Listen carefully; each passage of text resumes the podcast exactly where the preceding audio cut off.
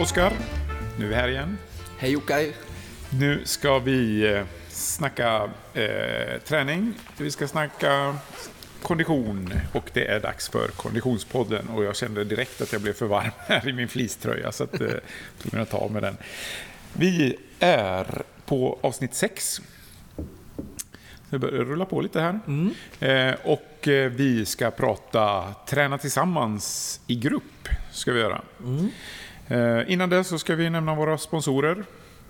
Eh, O23 Konditionscenter, Bergatroll Media, Fredag eventuellt Eventuellt, och jag fattar inte varför det är så svårt att säga. Fredag Event och Kommunikation. Fredag, event och kommunikation. Det är inte speciellt svårt att nej, säga. Det gick rätt Nej. bra. Ja.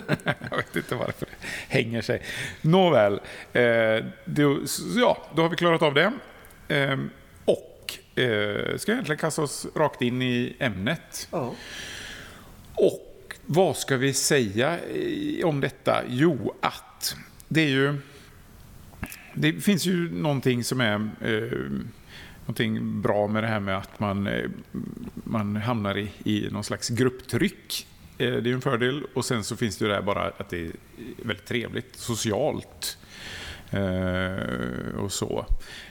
Men så vi tänkte egentligen bara snacka om olika fördelar man kan ha med, med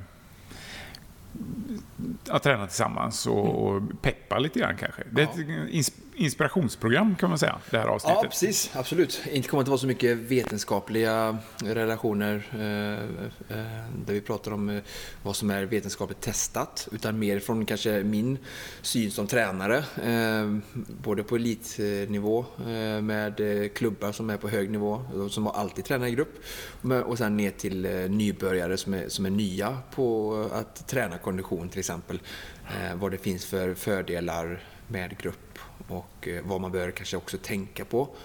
Lite mentalt bestämma sig upplever jag oftast och hålla sig till sin plan och sina förutsättningar innan man väl är på grupppasset så att säga. Men det kommer vi prata lite mer om. Mm. Och jag kommer väl att ge lite allmänt från den här eh, softnötar mentaliteten. Nej, men vad, vad som, som är en stor fördel eh, när man kanske har lite svårt ibland att komma iväg på passen och så att eh, man har lite grann det här eh, glädjen av att träffa andra och, och att det blir en social bit och, och sådär.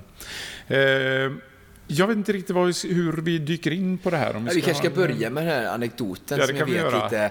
Den har, alltså det är ju så här, mina kära lyssnare, att eh, Joakim har ju... Alltså, eh, uppkomsten till det här avsnittet är ju för att det finns en anekdot som Joakim med flera inom eh, Triathlon Väst framförallt har gjort sig roliga på och jag Ja. har väl inte riktigt... Alltså, i På stund- Oscars bekostnad, På, precis, men med, med all rätt. Men, och jag har inte sett humorn i det riktigt, men sen när jag har hört berättelsen från andra så många gånger så har jag ju sett eh, det roliga i det och sett eh, lärdomarna i det. Eh, och det är också lite det vi vill lyfta fram här, att vad, vad kan eh, våra lyssnare som kanske står inför som är nya i konditionsträning eller som har hållit på länge, vad, vad de kan lära sig av detta och, och vad man inte ska göra då. eh, Kanske. Ja, men sen li- lite grann också att se att det är normalt att känna sig, att tycka att det är lite läskigt att eh, Mm. gå eh, och börja träna med några nya som man inte har tränat med och att det till och med eh, folk som, som har, eh, är på elitnivå kan, kan uppleva Mm. den eh, pressen och att det, det är naturligt men att det är någonting som man kanske inte behöver känna. Nej, det har ju ingenting med vilken nivå man har att göra, utan alla kan ju känna det. Det har ju mer med våra inre, eh, vår inre tro på oss själva. Mm. Så det här handlar ju egentligen om när du började köra triathlon. Ja, berättar du lite från din sida så kan jag berätta från min sen. Ja, okej. Jo, nej men det var så här att eh, Oskar då, eh, du, du hade spelat fotboll i många år Mm. innan det. Och sen så upptäckte det här med, med triathlon och eh, började köra och träna. Som jag förstår ganska målinriktat och eh, På egen hand. stenhårt som, som är eh, så som du Ja, ja, kör. Ja, och ehm, efter att ha kört, du hade väl kört i ett par år då va? Och tävlat? Eh, Ja, Och precis. så. På egen Och- hand, och du var- mer eller mindre, och ja. tränat och tävlat. Ja. Så du var medlem i Triathlon Väst? Ja, precis. Som post, aldrig- brevlåde... Ja. Vad säger man? Men- men så hade- folk är med golfklubbar. Precis. Men du hade aldrig varit på en, eh, en träning, Nej, utan nej, du var nej. me- medlem bara för att kunna Tävla. Mm, vara med och tävla och så. Och eh, sen till slut så, så började folk undra vem fasiken är det här då som, som tävlar för, för Triathlon Väst som har så jäkla bra resultat? Och, och, Vi har aldrig träffat honom. det, är, det är ingen som har sett honom. Who is this guy? Ja. Och eh, jag vet inte, var det de som tog kontakt med dig i slutändan eller var det du som tog kontakt med, med dem? Då? Jag tror, det blev nog så att efter Kalmar där, eh, 2010 när jag gjorde 9 9.15 så... Just det, du gjorde 9.15 på en, en Ironman Ja. och det är ju sjukt bra resultat. Ja, med tanke på att det var, ju- min andra Ironman och jag hade ju inte eh, hade inte fått någon hjälp eller så, utan det var ju eget eh, bevåg. Men då tror jag, jag tror det var Göran Hilmersson, eh, en eldsjäl i Triathlon Väst, eh, som, som inte frågade, frågade mig om ska du inte komma med på en träning och, och testa. Och jag var ju till och med då lite skeptisk här, ja, jag vet inte riktigt hur, Du var lite osäker på om du skulle platsa helt Ja, enkelt. lite så, lite så. Du tyckte Ja. det var lite läskigt. Ja, och speciellt då var det, jag tror han bjöd in mig till en simning. Så, Ja, just det. Ja, då ska man ju veta det att vi, det är ju, jag vet inte hur många medlemmar det är, men 300-400 medlemmar och jag vet inte om det är någon, eller någon eller ett par kanske som gör de, eh, de resultaten. Men eh, du var i princip bäst av alla. Eh, Ja, precis. det var, jag tror, eh, jo, jag kommer ihåg nu, Karl Brummer ehm, var före det året tror jag på 9.06, 07 något sånt där. Eh, så han var några minuter före. Eh, Lundin körde, jag är osäker på om Lundin eh, körde det året. Eh, jag vet att han körde 2011. Ja, det var nog inte så många i alla fall i, i klubben som var före. Så. Nej, så att det, det, var, det var det. Du, du var på elitnivå egentligen innan du vågade gå, gå till en träning.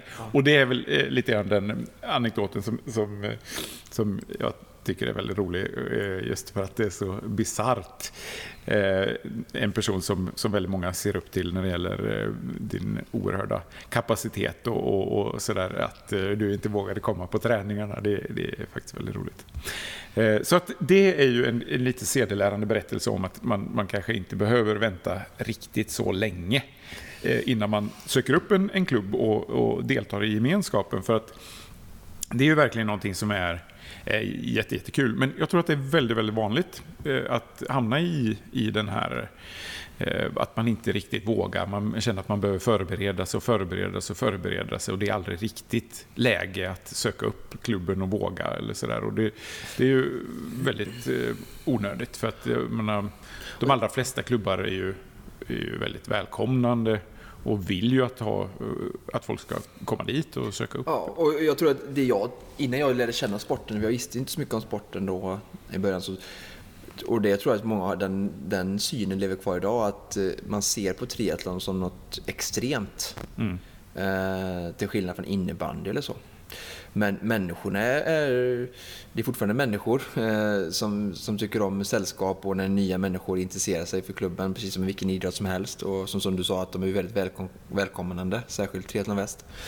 Eh, och, och gemenskap eh, och sådär. Så att eh, det är bara vilken idrott som helst. Bara att utförandet, att man simmar, cyklar, springer kan nog upplevas från gemene man i, runt om i Sverige som, som lite extrem. Men eh, Eh, det är som vilken idrott som helst. Eh, och, ehm, men jag tror att det är, som sagt, och det var så det var för mig, att eh, då, kände man att det här är bara riktiga vältränade ehm, människor som, som håller på med detta. Så att det gäller att jag ehm, tränar och är riktigt bra innan jag ger mig in i grytan och är mer i vägen än, än hjälper till. Va? Det var så jag resonerade. Och det var roligt. Jag, alltså jag var ju en sån stalker. Eh, Alltså jag gick in, hade koll på människor, namn och det är pinsamt så här i efterhand. Men eh, eh, ja, jag följde ju Triathlon Väst på deras hemsida och deras träningar. Fast bara då eh, digitalt heter det va? In- inte IRL eller in real life som sagt. Utan, så jag visste ju mycket om Triathlon Väst. Betydligt mer än de visste om mig. så ehm, ja, det, det, nu efteråt det är kul att se tillbaka till det och kunna skratta åt det. Så här, och, men det är verkligen så ironiskt och eh, ja, jag hoppas att det här avsnittet kan verkligen göra att folk vågar söka sig till gemenskap, till grupper. Var inte rädda. Alla är nybörjare i början. Jag själv var helt talanglös som första, på den första triathlon-tävlingen. Eh, och, och är bor man i Göteborg eller omnejd så, så söker dit till en extremt varm och välkomnande bra klubb. Mm. Och, och, men det finns fler sådana klubbar i andra idrotter. Så det, om man håller på med konditionsträning, Solvikingarna i, löpning och ja, det finns många bra eh, klubbar. Spiff triathlon, eh, Spiff triathlon i Stockholm, också väldigt välkomnande bra klubb. Och, och eh, jag vet att i Dalarna har de ju Dala Academy, också väldigt trevliga människor som står bakom där. Ehm, och nere i Skåne finns det också trevliga triathlonklubbar, om vi nu pratar just triathlon då, eh, eftersom det är den sporten som jag känner till bäst. Så var inte rädda för att ehm, söka upp er och söka upp grupper och njut av kunskap och framförallt gemenskap. Mm. Nej, det är ju verkligen så. Jag upplevde ju att eh, vi hade ju också kört själv några år, men då mer bara ja, man körde det klassiska med klassikern och, och körde några Lidingölopp och, och, och lite sådär. Och, eh, det som jag upplevde när, när jag kom med i klubben och började träna med klubben, det var ju det här att eh, för jag hade, innan det hade jag eh, spelat vattenpool och spelat lite bandy och sådär när jag var yngre. Och, lite sådär. Och, och det som, som jag kände då när man kom tillbaks i det här att vara med i en klubb, det var just det här. Det är så jäkla kul med det här att snacka lite skit före träningen, ja. snacka lite skit efter träningen, bara och, ha det här trevliga sociala. Det, och, insåg, och få dela sin situation. Ja. Och jag insåg då först hur mycket jag hade saknat det, för då hade jag mm. inte varit med i någon klubb på kanske tio år eller någonting sånt där. Och, och det var verkligen, då först insåg jag, wow, det är ju så jädra kul att, att vara med i en klubb. Så att eh, bara av den anledningen är det ju bra. Eh, sen är det ju det där med att bara komma iväg. Att, eh, alltså det är för mig, speciellt på vintern. Och det ska vi ha ett, I november sen ska vi ha ett speciellt sånt eh, inspirationsavsnitt som handlar bara om hur man tar sig igenom de här mörka månaderna när eh, träningslusten ligger i absoluta botten. Och klistret som du berättade om va? Ja, soffklistret. Ja, just det. Okay. Jag har inte hört det förut. så, så det, är, det är så här, eh, för min del handlar det om flera månader där, där enda anledningen att jag överhuvudtaget kommer iväg och tränar så är det att det finns eh, de här klubbpassen. Mm. Du kommer inte ut överhuvudtaget på egna pass nästan. Nej. Utan det är bara klubbpassen som, som överhuvudtaget håller mig igång överhuvudtaget. Så det, det, är enormt viktigt. Ja, det, det, är en, det är en bra eh, del i gruppen där. Att, och, och, och kommer du inte så frågar folk efter dig. Och man får nog en, en, en större drivkraft och dragningskraft eller vad, på olika sätt att, att faktiskt eh, gå till passet än att du, det är bara du själv och regnet och cykelbanan där ute som väntar. Ja, ja men, och det måste ju du uppleva här också med, med alla dina kunder på O2 Tri och sådär att det, det blir ju väldigt viktigt, en viktig bit av det hela kan jag tänka mig just att ha den här att Oskar undrar vart man ja, tog vägen. Det också, eh, absolut, precis. Mm. Och det är också att har man anslutit sig en grupp så är det lite så att, du tror att då har du ju committat dig på ett sätt. Så att nu är jag med i den här gruppen eh, för att simma eller för att cykla eller för att springa. Um, och, och, och, att du har gjort det commitmentet blir ju konkret och, och, och, eh, passet får en, en, tid i din kalender som du planerar för och, och du får fråga av en vän så här att ja, ska vi ses och ta en kaffe då eller dricka en öl eller sitta och se på en film i soffan. Så, nej, då, då blir det naturligt att du säger att du inte kan då för att du har ditt grupppass inbokat. Mm. Och har du två, tre sådana grupppass, då har du liksom konkreta tider som, som du har liksom avsatt tid för i kalendern. Och det tror jag inte gemene man gör med sin privata träning. Nej, det är väldigt mycket lättare att... den är schemalagd va? det, är, det är ju väldigt mycket lättare att släppa mm. en sån om, om det kommer någonting som känns ja. lite halvviktigt. Sådär, liksom, ja. att man, då, då, tycker man inte att äh, men min den där träningen, det är inte ja, så viktigt. Jag kan, ja, precis. Och så blir den inte av istället. Nej, man skjuter upp den och sen eh, så blir klockan för mycket. Mm. eller, så, ja. eller så har det börjat regna. Eller så har sambon eller frun eller barnen sett att man har något annat att göra. Och så. Mm. Mm. Ja, det är väldigt lätt. Ehm, en annan en grej som jag tänker på, det är ju då när man faktiskt kommer ut på de här, eh, och speciellt de här spontanpassen och så här, när man, man kör bara, ja men, nu, nu har jag lust att, att träna, kommer ut. Och så här. Eh, där tycker jag att det är extremt svårt att få till den gemenskapen. För att då blir det så här att eh, jag vet inte om du har några bra eh, tips där. Ehm, för det blir ju nästan alltid, de gör man nästan alltid själv, eller jag gör alltid, dem alltid själv. Du menar? Ja, men så här, om du kommer på, eh, ja, nu ska jag träna i eftermiddag här om ett ja. par timmar. Ehm, så blir det ju nästan aldrig att man lyckas få till den här gemenskapen på de passen. Nej. Det gäller ju i så fall, nej, det är svårt att få till det med dagens eh, scheman. Det bästa är ju att gå ihop några kompisar. Jag vet det finns folk som tränar på luncher och har lite sådana här uttalade pass och, um, där de är liksom fasta tider, situationstecken. Alltså mm. man måste ju inte komma dit för att det är ingen som betalar någonting eller någon som är där och får betalt. Så att, Eh, men man har satt upp en fast tid att då kör vi och, det tror jag att är jättebra. Att, alltså, eh, man märker det, eller jag, min erfarenhet är ju det att i de här klubbarna då, eh, som vi har pratat om så, så, skapas det ju naturliga grupperingar som det alltid gör vi människor med flockdjur och så. Och i de grupperingarna tror jag det är viktigt att, att man kan försöka hitta styrkan i den gruppen då och, och gemenskapen. Att man hittar kanske fasta tider, onsdagsintervaller, fredagsintervaller eller långpass på söndagar eller så eh, i sin, sin närområde eller att man bor nära eller eh, i gruppen så att säga. Eh, och gör det återigen då att ja, jag, Kalle, Peter och Anders vi ses alltid onsdagar och kan inte en Anders så är inte det hela världen men det är också en sån att man skapar egna grupper då Ja, det är bra att hitta folk som man kanske är någorlunda samma nivå med ja. och sådär. Sen är ju i och för sig, intervaller är ju bra på det sättet, om man är, speciellt om man är på en löparbana och sånt där. Då kan man ju köra, spelar inte så stor roll om man inte är jämna. Det är svårt att köra ett distanspass med, med folk som man inte eh, ligger på samma nivå som. Mm.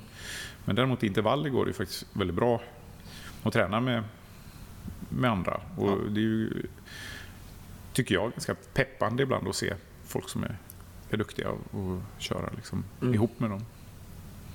Ja, det, alltså jag tycker långpasserna eh, går bra också. Eh, det är klart att man måste båda två palla den distansen man ska utföra. Men, men har, man, har man på cykel så kan den ena ligga på rulle och då blir det jobbigt för den där framme ändå oavsett nästan. Och eh, är det löpning så kan man alltid loopa om man är några stycken. och, och och sådär. Så jag tycker faktiskt att det går jättebra också. För att som du säger, det viktigaste är att man har lite snack under, lite snack innan, lite snack efter. Sen måste man inte vara med navelsträngavstånd eh, hela passet igenom. Ehm, så att eh, jag tror det är skitbra med, med, med eh, så lite ensam träning som möjligt. Mm. Sen är det nog kanske finns folk på den falangen också som hatar att träna själv. Alltså det är nyttigt att vara själv också vara självständig i sin träning, eh, kunna planera, strukturera, genomföra ett pass. Och, och inte prata heller liksom. Eh, för att ibland blir man själv så det är viktigt att man kan hantera det också.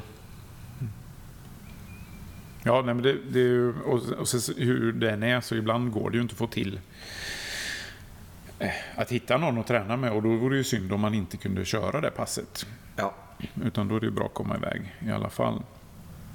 Har du några små tips då för att göra eh, den här gemensamma träningen roligare och, och sådär? Alltså, det viktigaste skulle jag säga så här att vi kanske ska dela in i två olika typer av grupper. Det ena är ju alltså professionell gruppträning och då menar jag alltså där man betalar och får kvalitet och kunskap och utvecklande teknik och, och allting sånt här. Va? Eh, sen har vi den här liksom, eh, hemmagruppen, eller vad ska vi kalla den för? Ehm, där du skapar, som vi sa, egna konstellationer ur kanske idrottsföreningar som man är med i för att eh, minimera ensamhetsträningen och få mer gemenskap även när inte det är klubbpass så att säga. Ehm, men om vi börjar med den eh, hobbyträningen då så tror jag att för att få det roligt och få det bra och få kvalitet så är det det som vi pratade om i något tidigare avsnitt här med, med att ha ett tydligt syfte och ett innehåll. Så att man kanske går runt med de här personerna eh, och planerar, gör någon typ av planering. Eh, man, om man är med i en klubb så har man ju fått inspiration och lite kunskap längs med vägen på olika kanske intervalltyper eller eh, eh så. Eh, så använd den lilla kunskapen man har och, och försök att planera någonting konkret inför varje pass och kanske låt det ansvaret då flytta runt inom gruppen. Eh, och sen eh, våga... Eh, det är såklart lite olika om man tänker vilken idrott man pratar om, men jag tror att det är bra miljöombyten. Mm.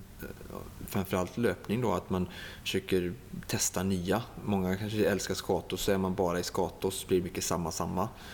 Ehm, var inte rädda för att ta bilen inom kommunen och, och ställa och parkera till samma samåk. Och, och testa för de som inte vet vad Skatos är så är det ett träningscenter här i Göteborg. Ja.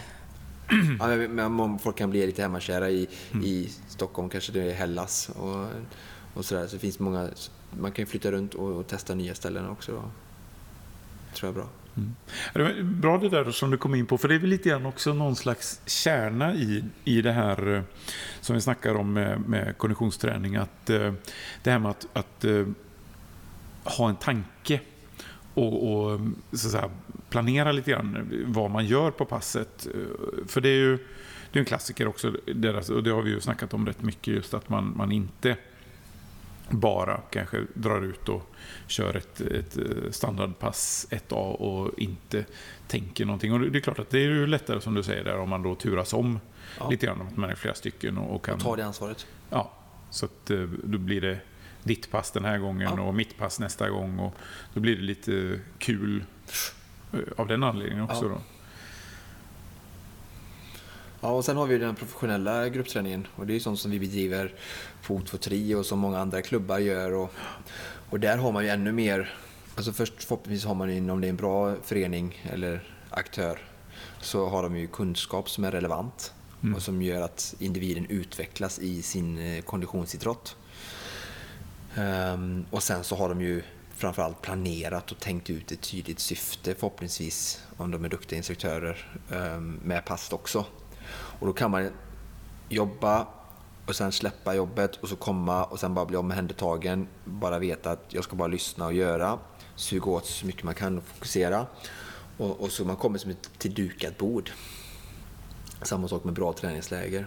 Mm, att man behöver inte tänka någonting. Jag tror att ibland så kan det bli svårt när, när eh, gemene man ska försöka coacha sig själv, lägga upp träning, tävling, för mycket själv. Ehm, eh, och, då man kanske influeras nästan bara av, om kamrater runt omkring eller i sin grupp eller klubb och sådär. Så att, att komma till folk och någon har tänkt ut, det här ska vi göra på det här simpasset. Eh, det är det här som gäller och det finns personer i fråga har relevant bakgrund, erfarenhet, kunskap, utbildning Eh, för att eh, dra upp de här då, innehållet eller planera.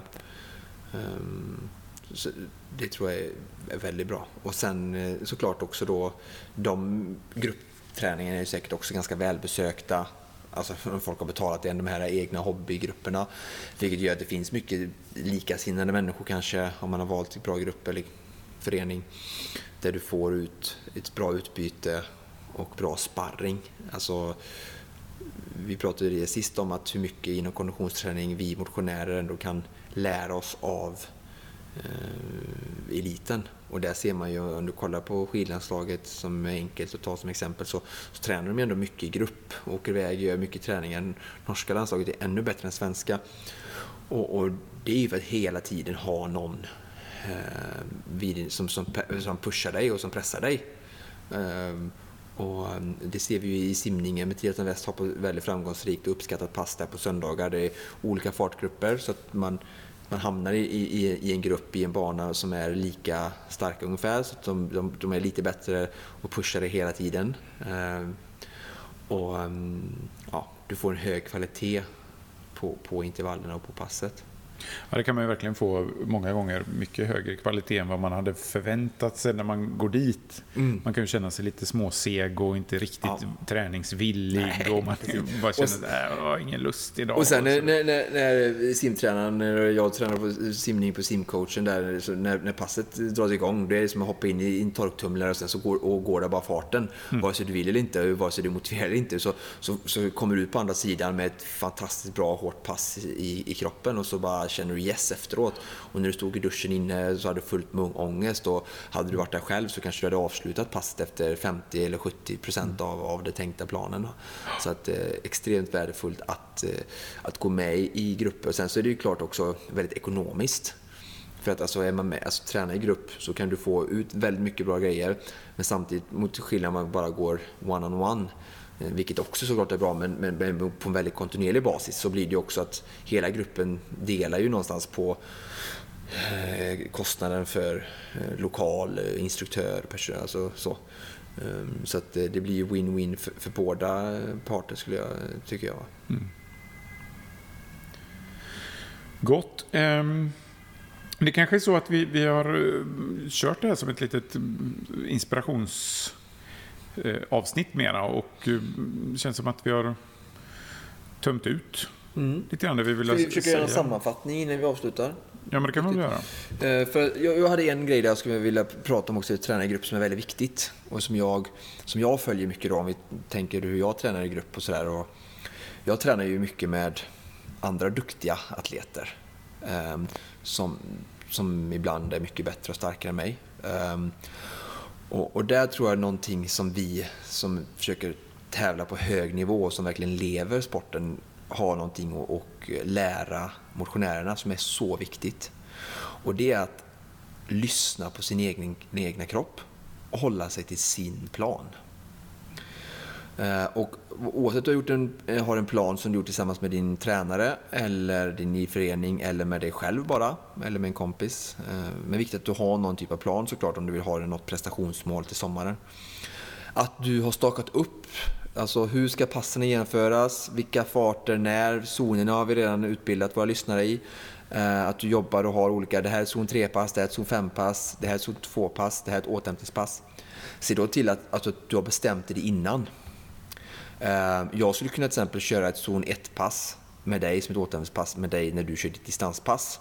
För, för din distansfart kanske är som är min zon 1-fart då. Mm. Eh, vilket gör att vi kan göra det tillsammans.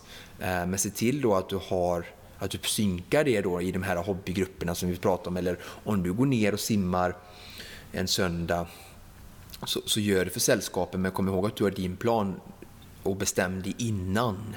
Jag tror att många har inte bestämt sig och har inte någon plan kanske, så, så blir det att man kör tre zon 5-pass i rad kanske.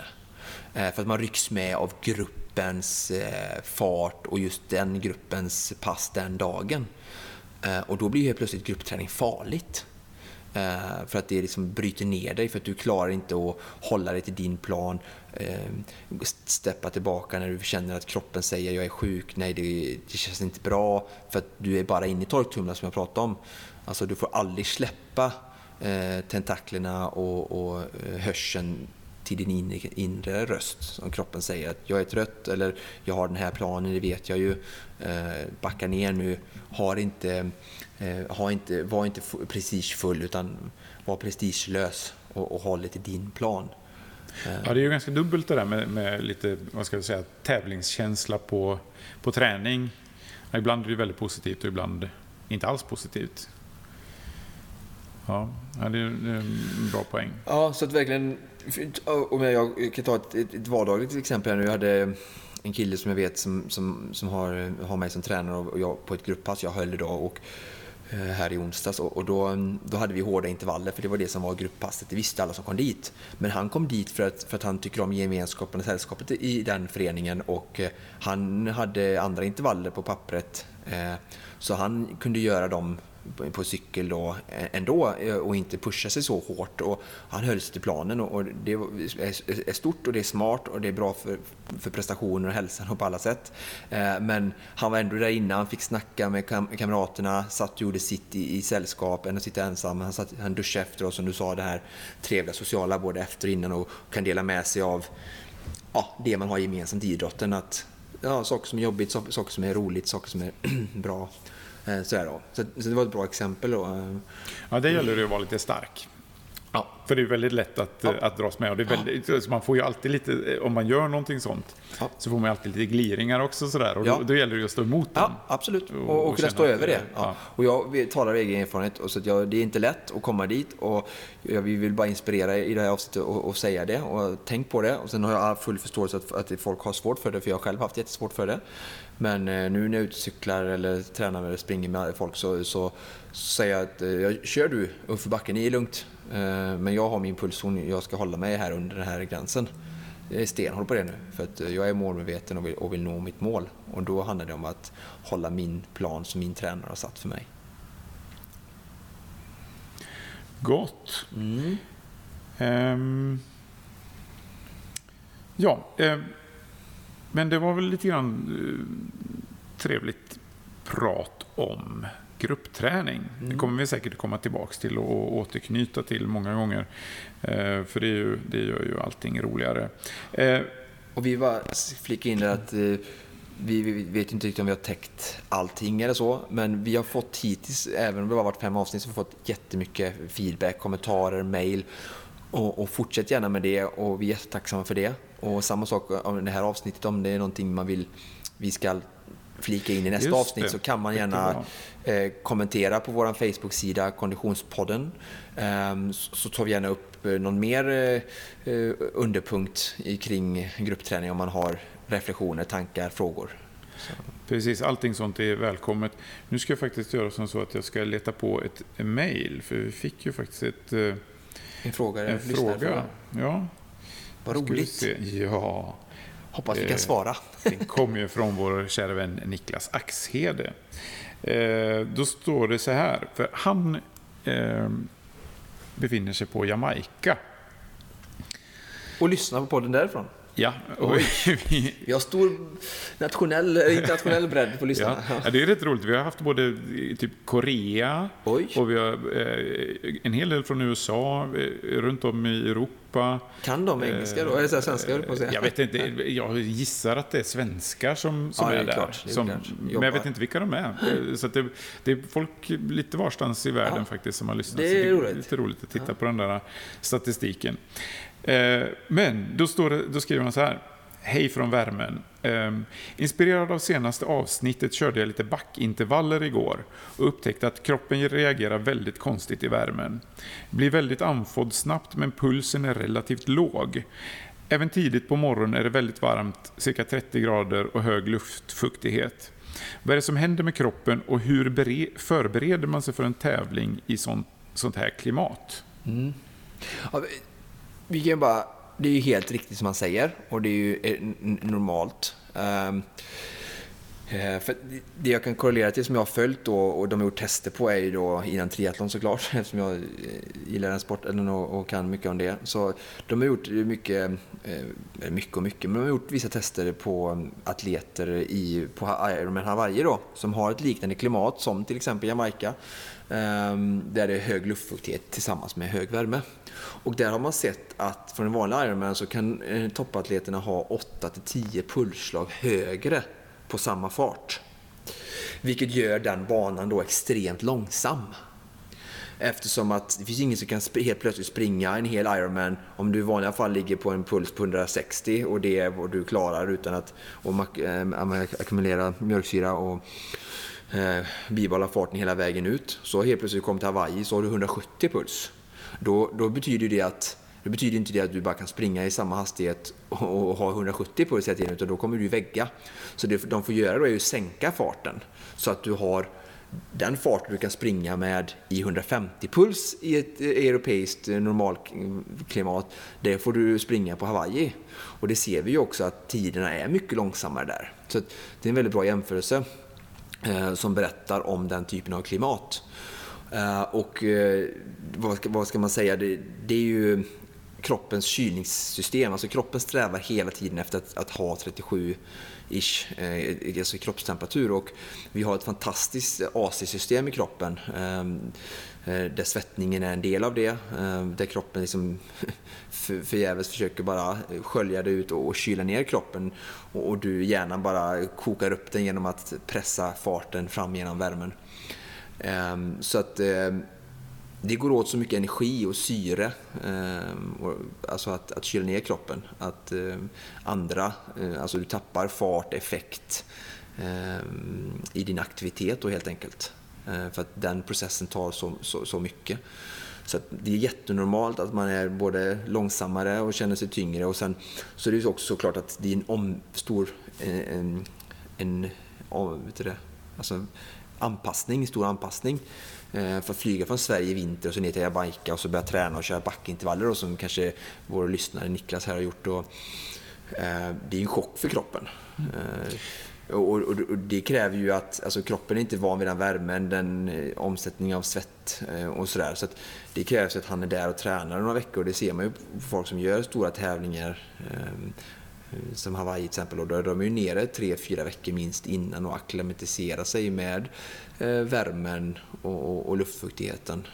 Det kan man väl se bara egentligen här i Göteborg också på de, de gånger då när värmen har slagit på precis dagarna innan Göteborgsvarvet. Och det var väl, jag vet inte, var det förra eller för, förra året, när det blev så här att det var, hade varit ganska kallt ganska länge och så blev det plötsligt varmt och fuktigt. Då var det väldigt många som gick in i väggen. Mm. Så det, det, det, är klart det, det är vanligt. Men jag tror att, det, för nu snackade vi om för, att pulsen gick upp, men jag tror att han hade just att, att pulsen inte gick upp. Nej. Den gick upp tyckte jag han skrev va? Ja, jag ska, jag ska se här. Ehm. Jag blir väldigt andfådd snabbt, men pulsen är relativt låg, skrev han. Okej. Det är ju lite underligare, för, för jag har också upplevt så här när man har tränat eh, och, och pulsen har rusat ja, iväg. Men alltså det, det, kan ju, det kan ju bli så kanske också, om man inte är supertränad så kan det också vara så då att, att eh, i värmen så man eh, andning, alltså man, man blir trött så mm. man får inte upp den effekten i benen som gör att pulsen blir högre. Alltså, det, det blir fast som... i kroppen istället? Ja, precis. Och, och det, det, upplever jag ofta när jag är nedtränad. Så är det ett jättetydligt tecken. Alltså jag får inte upp pulsen och det är ju för att benen är så trötta. Att jag, jag tar i och tar i och tar i men får inte någon effekt. Och det kan vara på cykling också, särskilt på cykling när, när det, alltså cykling är ju så att både, det krävs en stark motor, alltså cykelkapacitet eh, och, och, även fräscha ben för att nå toppresultat på cykelintervaller till exempel. Och när jag har haft tunga träningsveckor och sett mig försöker göra ett intervallpass så kanske jag kommer upp i 10-15 slag under där jag borde. Och det är också att jag är, ner, alltså jag är nedtränad, då, alltså musklerna är trötta. Och Säg då att ponera att han är där nere, har svårt att syresätta på grund av värmen och luftfuktigheten. Så han får liksom inte upp den effekten av musklerna. Så det är som att han är nedtränad. Så, alltså pulsen kommer inte upp. Um, och, och, då, och gör man inte ens det, då får man inte de här effekterna av, av överhettning. För att ja, han kommer helt enkelt upp i den höga belastningen. Så... Um, Ja, just det. Så där, där blir det. Han kommer inte in i I, i, I zon 4 eller 5 liksom, utan han är kvar nere i zon 2 och 3 för att mm. han har muskulär begränsning. Och jag kan ju ha lite äldre eh, kunder och sånt där som gör tester på cykel här och de kanske inte har cyklat på 10 år. Och de kanske kommer upp i max zon 3 på cykel, hur mycket de än tar i. Mm. För att de har en muskulär och lokal begränsning. Ja, och sen så kan det väl vara, jag antar att det kan finnas någon form av sån eh, effekt. Jag tänker på som för jag vet, eh, jag var i eh, heter Las Vegas. Det var så här värmebölja. Hon bodde vi en liten bit ifrån strippen där. Eh, och skulle man gå bara från lilla motellet vi bodde och så in till... När man kom in, de hade ju AC i alla, alla ställen man var inomhus, men då var det ju som 200-300 meter att gå bara. Och det, det var ju nästan oöverkomligt att bara gå 200-300 meter. Mm. Bara gå. Ja. För det var så jäkla varmt. Men då, blir det ju, då måste det ju vara så att du får någon form av reaktion i kroppen som säger att så här ska, det här ska du inte hålla på med. Liksom. Sluta nu, lägg av.